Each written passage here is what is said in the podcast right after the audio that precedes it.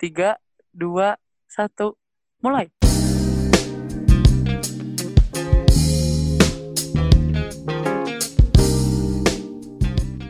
Kreatif Podcast Bintang Pasma. Yang gini-gini nih udah direkam gagal ya kan?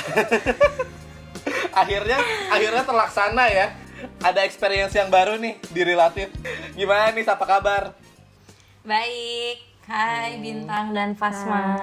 Hai kayaknya udah nggak nggak terlalu kaku ya iya nih, udah pemanasan Udah soalnya kemarin. udah santai ya kemarin kita Iya. udah udah nanya-nanya berarti udah tahu nih jawaban-jawabannya ya Udah disiapin. udah disiapin kayaknya udah lebih udah relax aja lah tapi kayaknya mungkin ada yang ditambahin kali ya Waduh, Nah. kayaknya ada yang Nah, lebih ini- dikorek nih.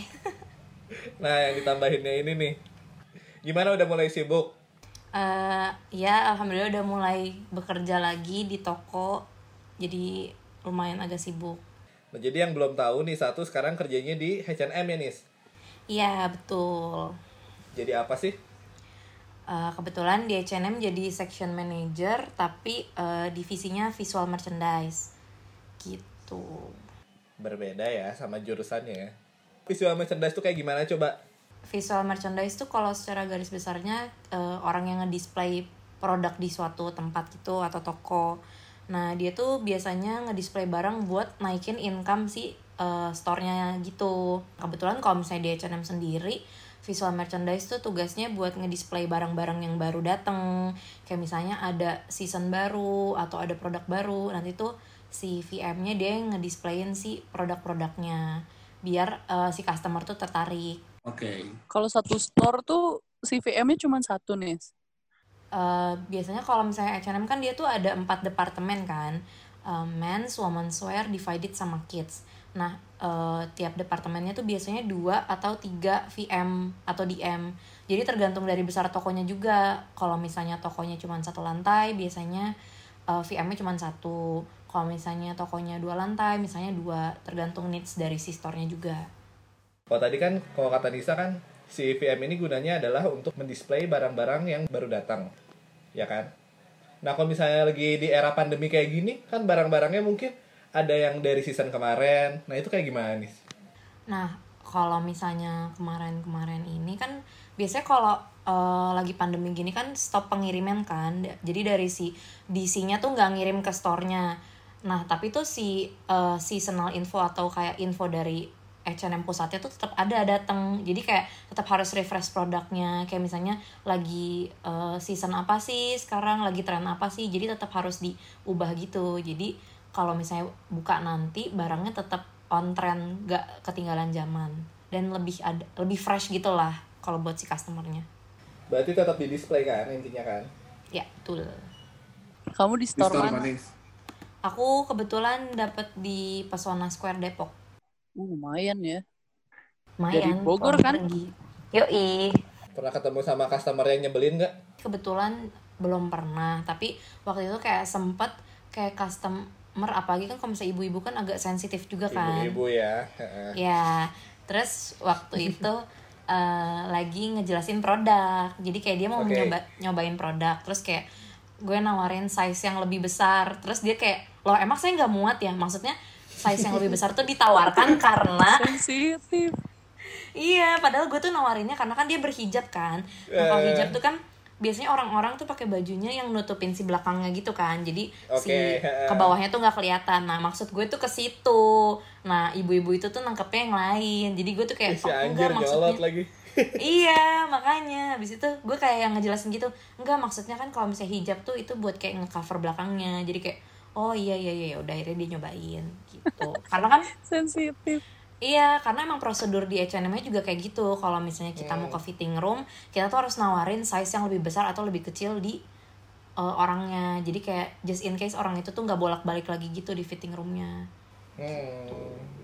terus gimana nih kalau misalnya ada yang nyebelin kayak gitu Kalau nyebelin kayak gitu, ya lebih kemarin kayak nih kayak lebih dijelasin aja. Takutnya kan miskom juga kan. Kalau misalnya miskom, nanti dia nge ngejelek-jelekin store-nya, nanti orang-orang jadi nggak nggak beli ke store kita lagi. Jadi kayak ya udah dibaik-baikin lagi aja.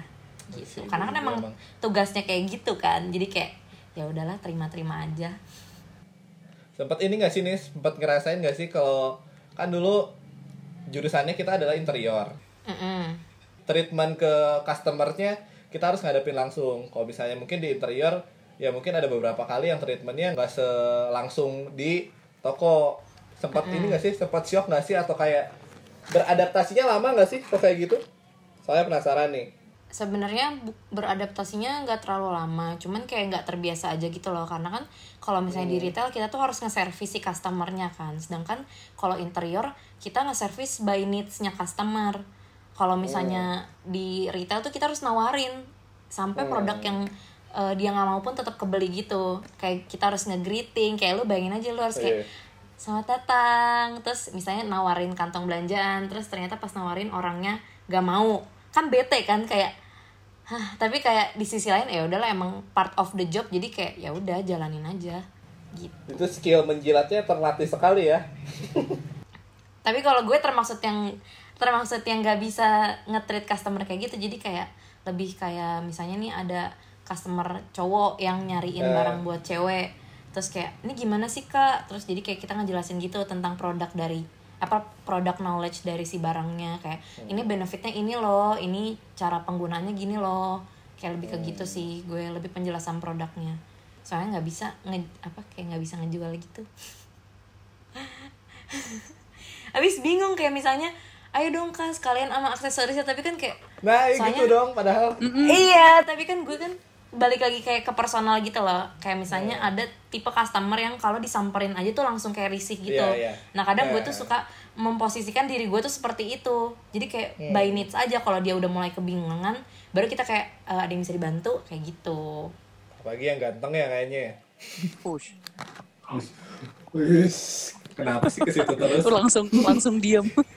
Langsung gitu terus ya.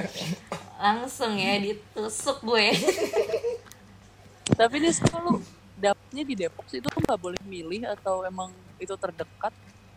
Lo gimana? Um, jadi tuh sebenarnya pas lagi di interview kita tuh dikas ditanya gitu domisilinya di mana domisilinya di Bogor oh nah kebetulan si H&M tuh emang lagi mau buka di daerah Depok sama daerah Bogor. Ya udahlah jadi tuh biasanya ditempatin di terdekatnya dulu. Tapi ada aja kalau misalnya yang ditawarin "E, mau di mana? Saya bebas diposisiin di mana aja. Ya udah bisa aja di Jakarta. Gitu. Tapi awalnya lu keberatan nggak dengan maksudnya ke Depok juga kan lumayan tuh. gue awalnya malah sebenarnya pengennya ke Jakarta. Karena kan kayak mungkin lebih cuci mata aja kali ya kalau misalnya di Jakarta. Sedangkan kan kalau di Depok kayak aduh ada apaan sih? Lebih kayak gitu awalnya. Eh Bekasi ya? Tapi berarti tapi berarti kalau misalnya di Jakarta lu bakal ngekos gitu milihnya. iya ataupun gue mungkin iya tetap dari Bogor. Soalnya mostly orang-orang tuh yang dari Bogor pun pasti eh, naik kereta. Mungkin kejar-kejaran kereta terakhir atau ntar ngi- nginep di temennya. Kayak gitu sih. Gitu.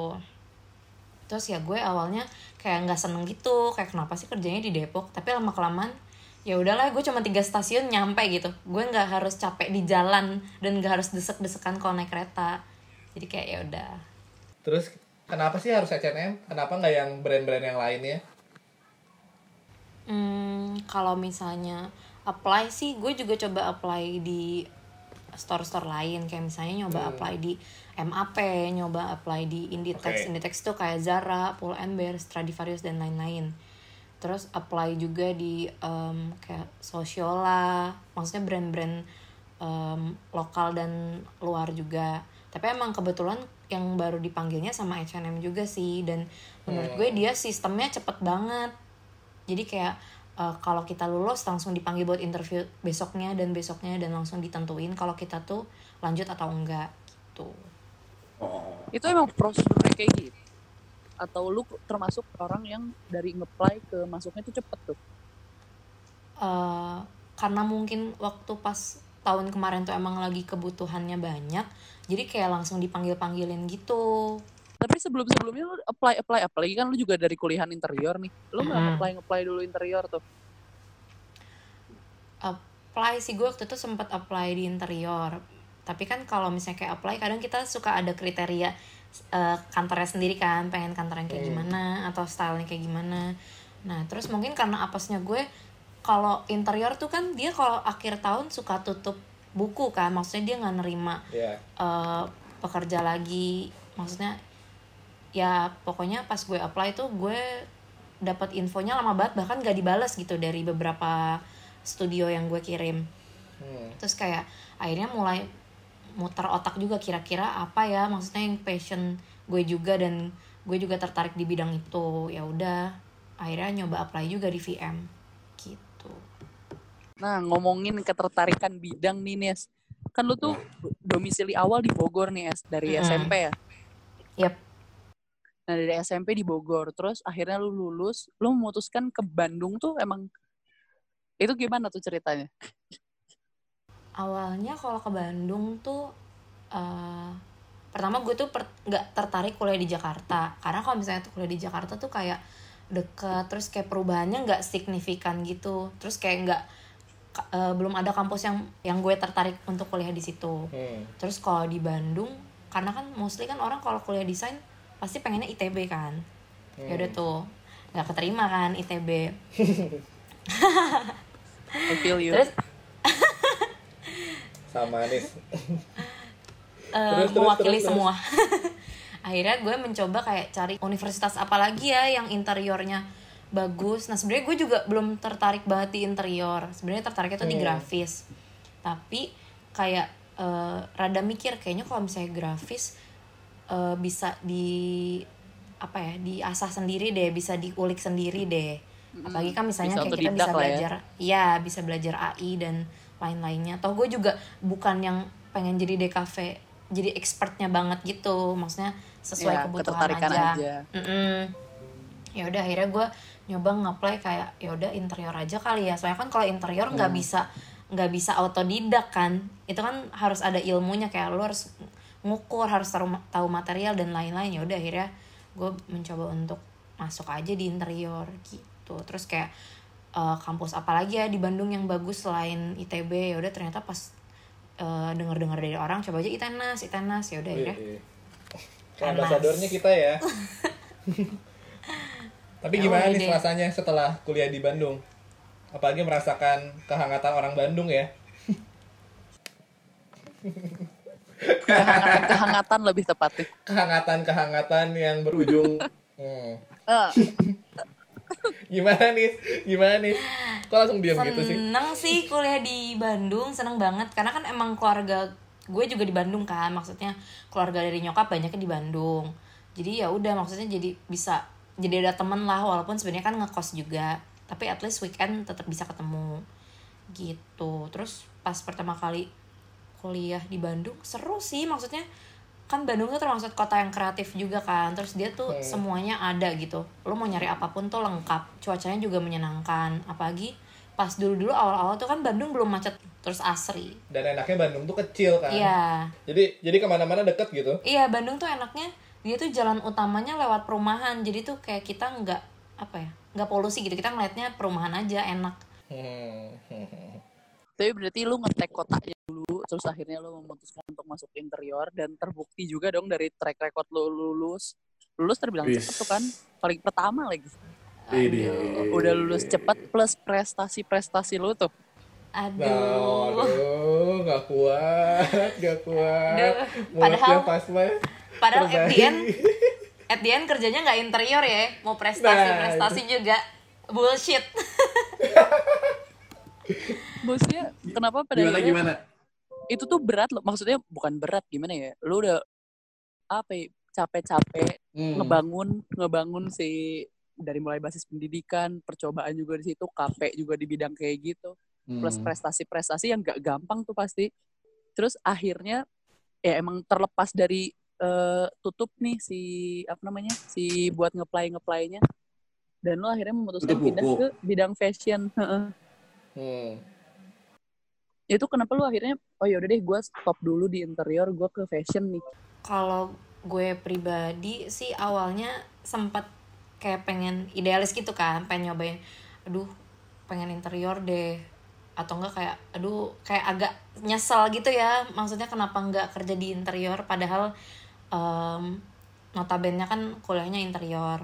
Tapi kayak ke sini ke sini kayak oh mungkin emang uh, dapatnya ini rezekinya dan toh yang gue kerjain juga uh, yang gue suka juga maksudnya kan kalau pada dasarnya lo belajar tuh nggak ada yang useless kan jadi kayak bisa aja Iya. itu tuh ilmunya dipakai Keren. untuk yang lain gitu maksudnya Iya. nggak ada penyesalan gitu lah Eh. tapi walaupun di sisi lain wah kalau misalnya gue udah kerja di sini gue nggak bisa lagi nih kerja di interior karena kan biasanya orang tuh batu pertama tuh yang menentukan dia kerja ke depannya tuh apa kan Hmm.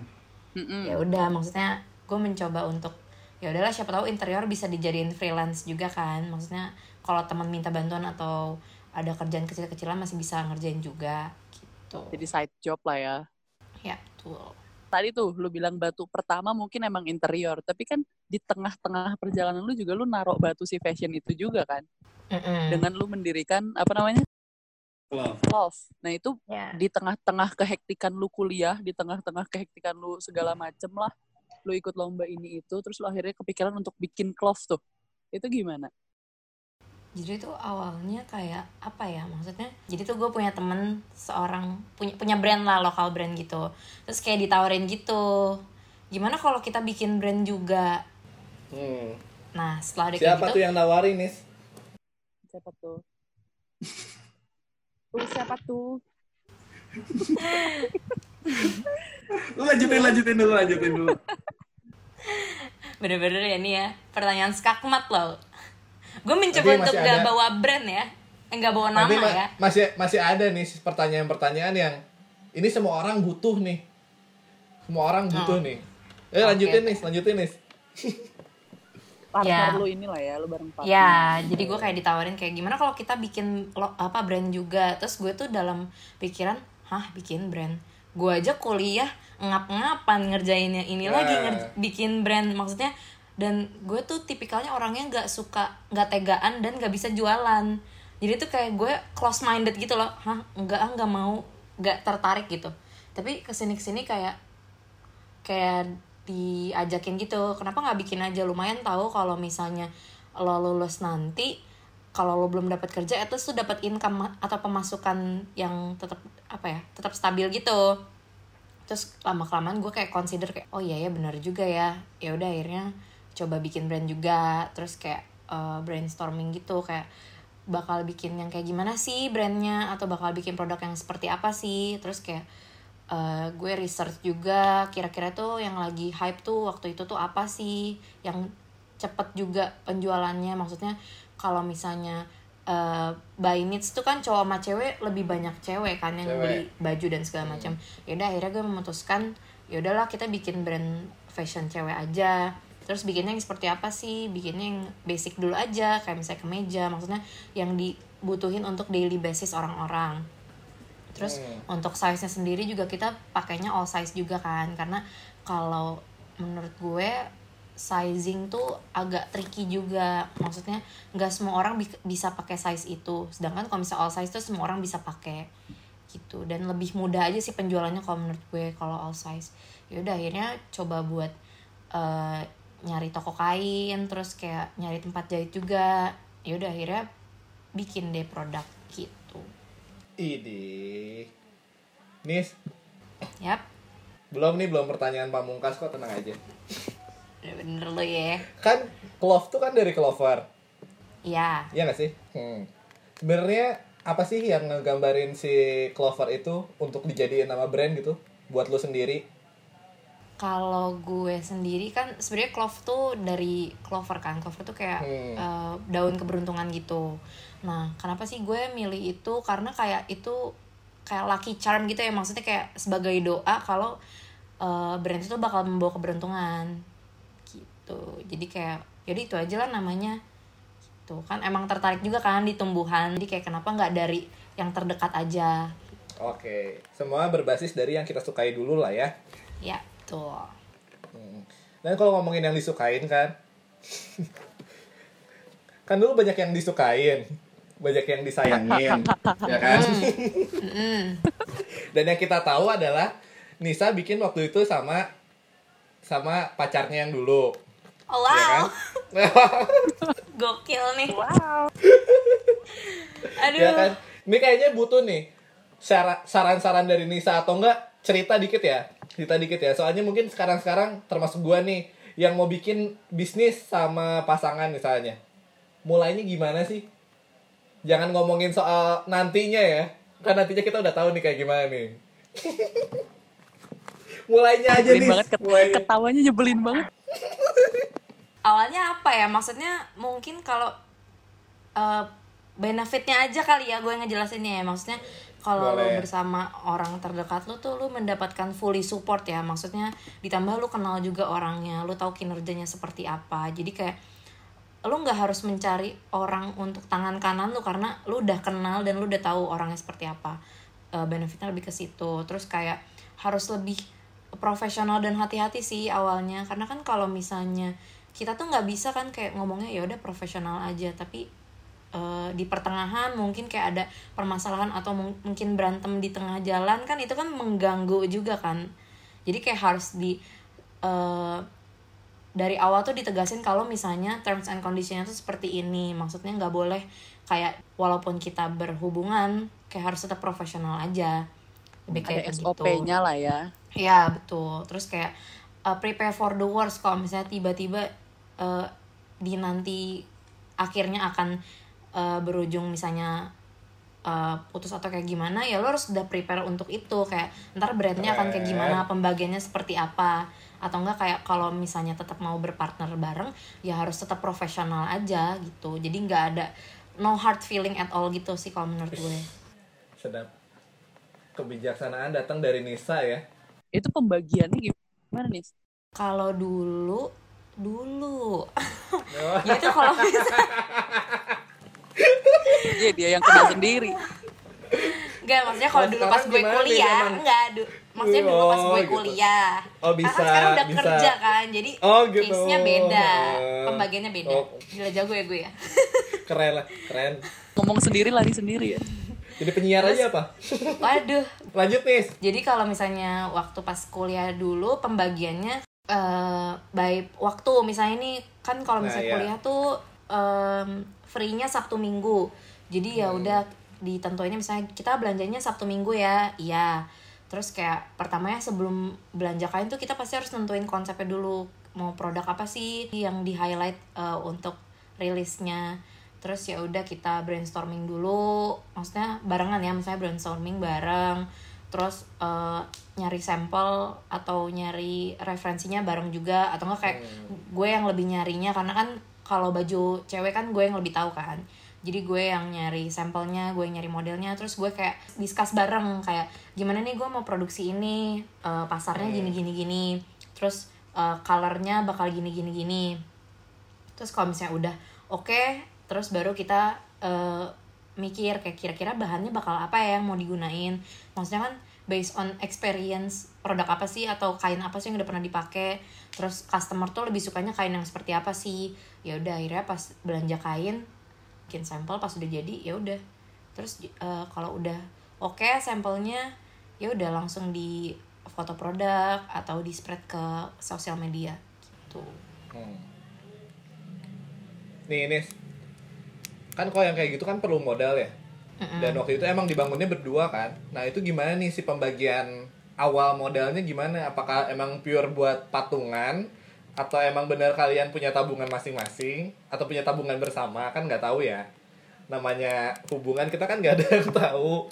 Ya makanya. Gimana sih awalnya buat buat tentuin si modalnya ya?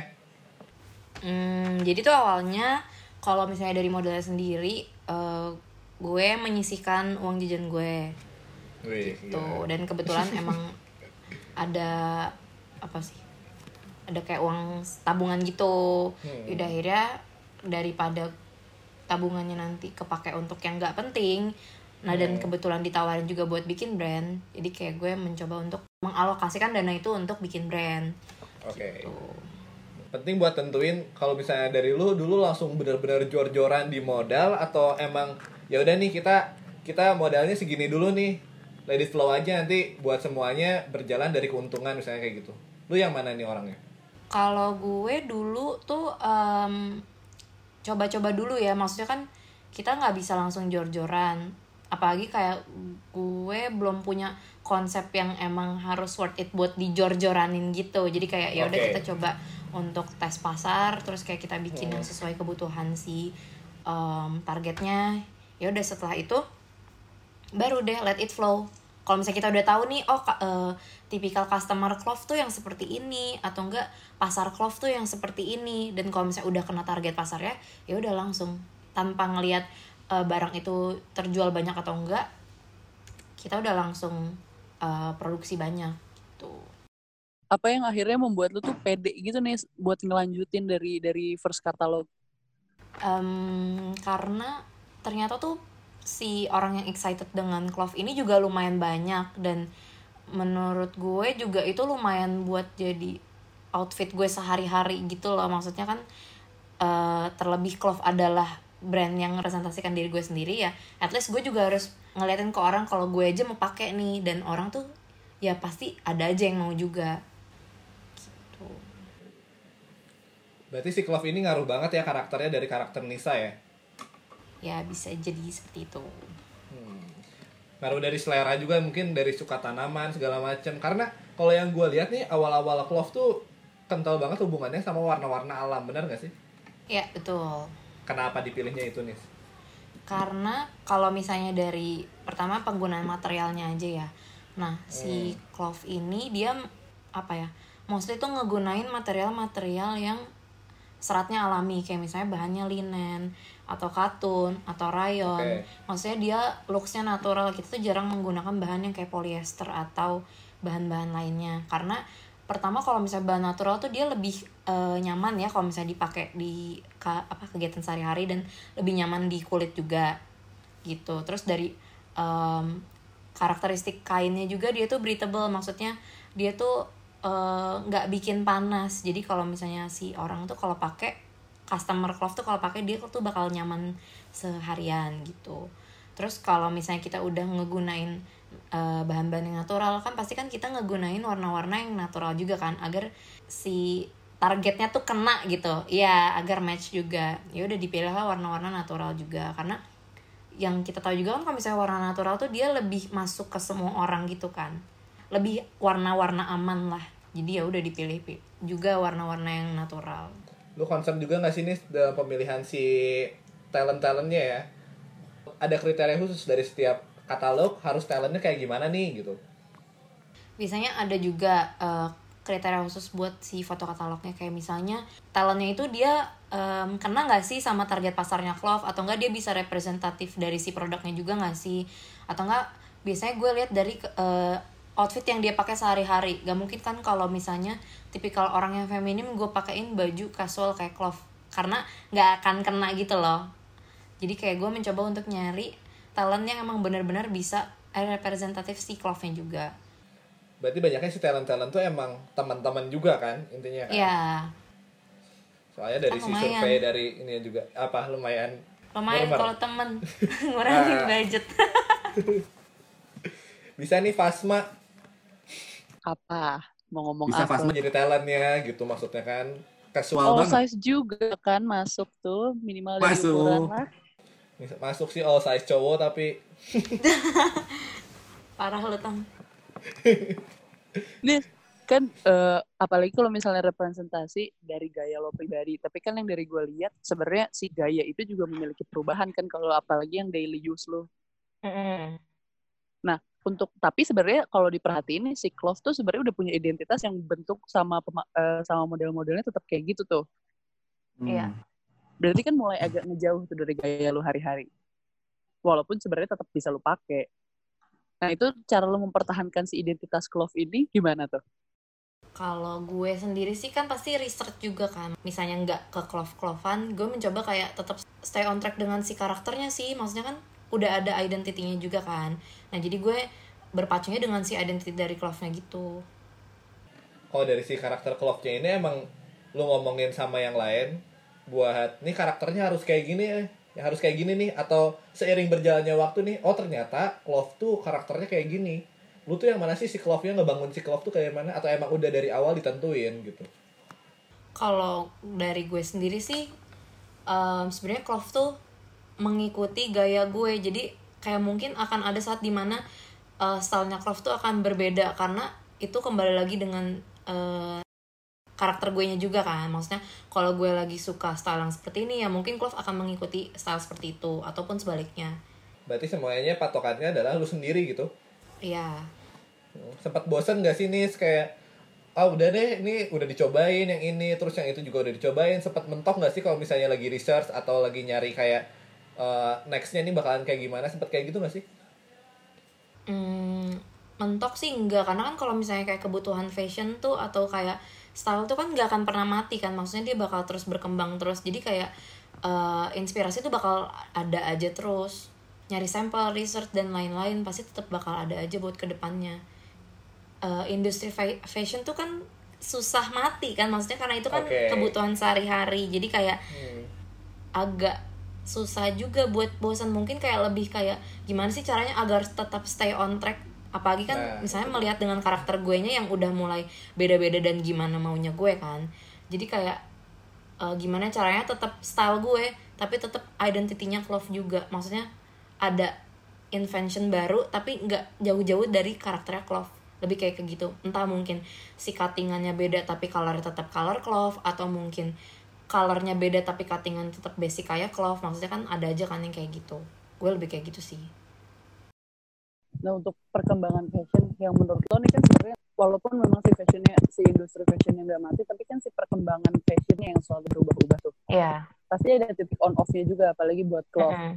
nah tapi menurut lo di titik mana clove akhirnya lo ngerasa oh ternyata nih brand worth untuk dipertahankan nih untuk paling berkembangnya tuh di titik mana sih lu paling ngerasa tuh pas kapan dong waktu pas gue udah uh, mau lulus kuliah.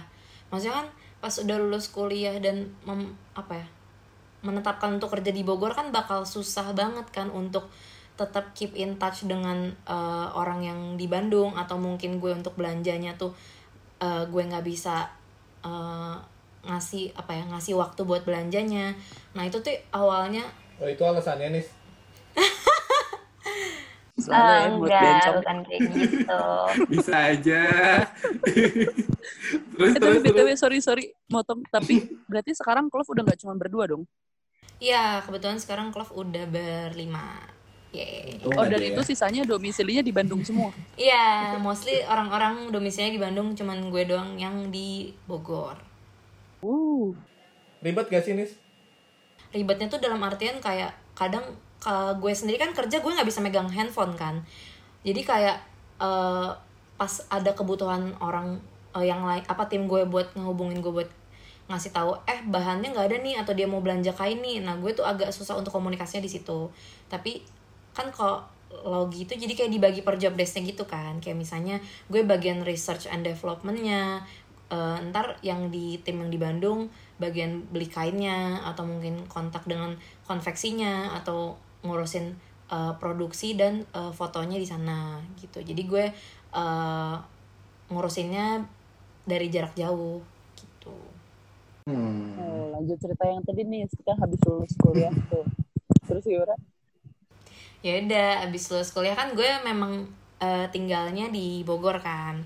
Hmm nah karena di Bogor itu gue ngerasa kayak aduh uh, kayaknya susah nih buat ngurusin klub apalagi setelah kerja ini kayak gue nggak ada waktu untuk belanja kainnya dan lain-lain kan. Dan karena satu dan lain hal uh, hmm. juga sempat off juga hmm. gitu. Ya, karena ada kesibukan masing-masing. Oh, gitu. jadi kayak emang nggak ada waktu untuk iya karena ya, prioritasnya udah berbeda juga. Dan visi misinya juga udah berbeda juga. Oh gitu. oke. Okay jadi ya udah akhirnya tapi kayak di sisi lain uh, sayang juga ya karena udah lumayan kan si Clove ini maksudnya punya nama ya. Iya dan um, di Instagramnya juga udah termasuk yang aktif juga dan target pasarnya juga ada. Dan ketika pas diobrolin ternyata oh bisa nih uh, jarak jauh. Kayak misalnya gue yang ngontrol ini dan uh, tim gue yang lain ngontrol yang lainnya. Jadi kayak dibagi di breakdown per job desknya agar tetap bisa ngejalanin clove bareng-bareng dan yang dari gue lihat-lihat ini kan lu sering juga ikut-ikut event tuh Nes. Uh, nah itu tuh uh, lu menentukan event sesuai identitas clove atau lu emang nyoba-nyoba pasar aja tuh? Hmm, awalnya tuh kalau misalnya kayak setiap tahun kan eh, event tuh suka udah ada timing timingnya kan. Misalnya setahun ada event apa aja. Nah biasanya tuh gue kayak udah nge-breakdown dari sebelum sebelumnya kayak kira-kira event apa aja nih yang mau kita ikutin nggak semua event kita ikutin gitu loh. Karena kan kita juga nggak ada waktu buat si produksinya kan buat ngejar produksi untuk event selanjutnya. Jadi kayak emang bener-bener dibulatin nih event apa aja nih yang mau kita kejar tahun ini. Ngaruh banget gak sih nih kalau misalnya ikutan event-event kayak gitu? ngaruh banget sih karena kan dalam misalnya kalau event tuh kan dia empat hari. Nah dalam empat hari tuh kita bisa eh, ngejual produk banyak banget buat apa ya kayak buat nutup produksi-produksi selanjutnya. Lebih kayak ke itu sih. Terus kayak eh, lebih cepat aja dapat fresh money-nya karena kan kalau misalnya ngandelin online shop kita kan nggak tentu kan kadang kayak Oke. customer ada dan enggak atau enggak kayak online shop tuh lebih aktif kalau misalnya eh, akhir bulan mau ke awal bulan karena baru gajiannya di situ. Sedangkan kalau misalnya by event tuh emang event tuh diadakan pas orang-orang tuh baru gajian dan orang tuh tertarik karena emang mau nyari sesuatu di event itu. Jadi kayak emang udah timingnya aja buat belanja besar-besaran kalau di event tuh. Jadi akan lebih banyak dapatnya. Berarti event adalah intinya nyari cuan lah ya. Ya, Kekencang dan nyari di situ ya. eh, nyari nama juga sih karena kan kalau Oke. misalnya kita udah ikut event-event tuh kayak udah ada portofolionya juga kan jadi kalau misalnya buat nge eh, propose ke acara lain kayak oh nih brand udah ikut ke event yang lain nih jadi kayak ada namanya juga buat ngangkat si brand kita juga Sampai yang gue denger terakhir tuh lu bisa sampai ke Singapura tuh. Eh, berarti kan Singapura ya? iya Itu Hmm. gimana tuh bisa sampai situ? jadi sebenarnya tuh emang targetnya tuh tahun kemarin emang tertarik banget kan pengen jualan di Public Garden. Nah, Public Garden tuh kayak salah satu uh, eventnya Singapura gitu, marketplace Singapura. Terus uh, awalnya kayak sempet nyari-nyari info gitu, gimana sih caranya buat ikut si event itu karena pas gue buka di webnya pun gak ada terms on condition buat ikut si eventnya. Nah, ya udah tuh ternyata pas pertengahan jalan gue tuh di email si Public Garden buat jadi salah satu uh, tenan di situ. Nah pas banget Oh langsung kan. diundang langsung ya? Iya, jadi kayak emang di email dari si Public Gardennya. Nah, gue ngerasa seneng karena berarti brand gue sa- salah satu brand yang di notice. Iya, gitu. Nah, pas udah di situ karena itu change besar banget ya udah gue coba buat ikut aja karena buat coba cari apa? Coba cek target pasar di Singapura masuk atau enggak. Gitu. Ya nyobain juga sih buat dapat experience juga. Dibilang worth it sih lumayan. Kalau gue sih lebih kayak ke experience-nya juga ya karena kan kalau misalnya Clove kan brandnya baru juga kan jadi kayak buat orang Singapura nggak terlalu em, notice kalau ada brand lokal namanya Clove jadi kita tuh jadi tahu gitu loh si orang-orang Singapura tuh sebenarnya dia lebih interest di barang yang seperti apa sih terus target pasarnya tuh seperti apa sih nah jadi kayak dapat experience itu sih yang gue dapat selama pas public gardennya Nis, kan udah banyak nih event-event yang udah pernah diikutin sama Clove, ya kan? Di Bandung juga udah sering gue lihat, ya kan? Kemarin sampai Singapura. Yang paling ngaruh banget nih eventnya buat Clove apaan nih? Atau lu punya cerita khusus nih di salah satu event yang lu pernah ikutin? Em, pertama sih kalau by experience paling tertarik sih di Singapura ya karena waktu pas udah pulang tuh ternyata banyak orang-orang Singapura yang nanyain untuk shipping worldwide. Seru, seru. Nah itu kan jadi kayak wah challenge baru nih buat kayak gimana kalau kita shipping uh, worldwide atau keluar. Ternyata pas di sana tuh kayak kita ketemu banyak lokal brand dari Indo yang buka store di sana. Jadi kayak eh, kenalan juga sama brand-brand lokal di sana. Jadi bisa eh, dapat experience kalau buat nanti kita ikut event lain di luar eh, negeri lainnya. Jadi kayak Hmm, hal apa aja sih yang harus dipersiapkan sebelum kita mau ikutan event tuh? Gitu sih. Tapi kok event di luar gitu nih, misalnya kayak di luar negeri kayak Singapura contohnya. Apa aja sih yang harus disiapin selain buat barang-barangnya dan juga buat eh, up- eh, buat si barang-barang displaynya terutama. Apa aja sih yang harus disiapin? sebenarnya kalau misalnya buat kayak persiapan dekorasi kayak gitu gue juga nggak terlalu banyak ngedekor karena kan eh, gue bawa sendiri kan dan itu tuh ada kapasitas dari bagasi pas gue naik pesawatnya jadi kayak nggak semua dekorasi dekorasi gue bawa tapi yang bener-bener cloth banget gitu kayak mungkin dekorasi dekorasi kecil yang masih bisa dibawa nah itu gue bawa lebih ke itu sih kebetulan karena em, kalau event di luar tuh kan kita pakai budget sendiri kan. Jadi kayak eh, daripada kalau misalnya ngajak tim yang lain eh, ngeluarin budget lebih jadi kayak ya udah yang salah satunya aja yang mewakili yang bisa pergi ke sana. Dan kebetulan emang pas gue mau pergi eh, sepupu gue juga mau ikut juga dan mau ngebantuin. Jadi kayak emang kebetulan aja timingnya seperti itu. Berarti kalau misalnya event kayak gini ngaruh juga kan buat si pendapatannya Clove ya. Kalau tadi nggak Iya. lu ngomongnya adalah ship, shipping keluar, jadi ada challenge yang baru. Tapi ngaruh juga gak sih buat eh buat customer-customer yang lokalnya gitu jadi makin percaya aja sama Clove atau kayak gimana? eh, sama aja sih tapi kayak mungkin dia lebih dapet impact dari kayak wah ini brandnya lebih the next level nih karena udah ikut eh, public garden juga atau enggak event-event lainnya lebih kayak ke situ sih Mantep banget sih. Nextnya nih Nis, nextnya ada event yang bakalan lu incer nggak atau nextnya Clove tuh bakalan bikin yang kayak gimana gitu? kalau misalnya next event sebenarnya pengen banget buat ngikut public garden lagi buat tahun ini cuman kan karena lagi pandemi juga jadi kayak Hmm. uh, public garden tuh di di hold dulu si acaranya buat tahun ini jadi kayak nggak diadain juga jadi kalau buat next paling kayak lebih ke produksi sih cuman masih research juga Apalagi ditambah sekarang kan lu juga udah udah belajar dari pekerjaan lo yang sekarang kan. iya Apa sih yang paling berpengaruh dari lu belajar di tempat kerja lu ke ke kelas terutama? Kalau yang gue dapet sih em, pertama cara memanage orang ya maksudnya kayak cara memanage waktu terus timelinenya terus kayak gimana caranya tetap stay on track kan kalau misalnya kayak H&M tuh dia kan dia fast retail kan. Terus dia tuh biasanya udah mempersiapkan season tuh dari tahun sebelumnya. Nah jadi kayak gue dapet bocoran atau kisi-kisi lah buat barang-barang yang belum hype di Indo nih bisa gue produksi. Jadi kayak eh, produksian gue tuh bareng sama keluarnya H&M gitu. Bikin yang lain gak sih nih katalog lain. Kayak misalnya kalau misalnya Clove gue lihat adalah baju celana. Benar ya kan kalau sekarang kan di tengah-tengah pandemi gini masker ya yang lagi oke banget ya. Dan mungkin gue juga ngerasanya jadi nggak bisa beli apa-apa selain beli masker dan koleksi masker. Tertarik gak sih lu buat bikin masker? Apalagi kalau misalnya kemarin gue lihat story lu kan jualan masker juga ya. Nggak tahu jualan nggak tahu apa pun itu entah dari Clove atau lu dari diri sendiri. Tertarik gak sih si Clove buat bikin yang kayak gitu di era pandemi kayak gini ya Iya, sebenarnya tertarik juga waktu kemarin tuh. Cuman kayak emang belum sempet dap sempat dapet timingnya juga buat produksi masker. Jadi ya emang belum sempet aja. Tapi emang udah kepikiran buat oh kita apa jualan masker aja ya maksudnya tuh kayak buat provide si customer jadi kayak customer nggak pusing dia tuh nyari masker tuh di mana apalagi kan kalau era pandemi gini kan kayak lo mau ke mana-mana harus pakai masker kan terus kayak bener bosen gak sih pakai masker yang gitu-gitu aja Nah. apalagi kalau masker waktu pas awal-awal kan masker buat masker medis ya ya masker medis kan agak susah dan pricey juga kan bisa dong wow bisa apa coba Lempar lambung.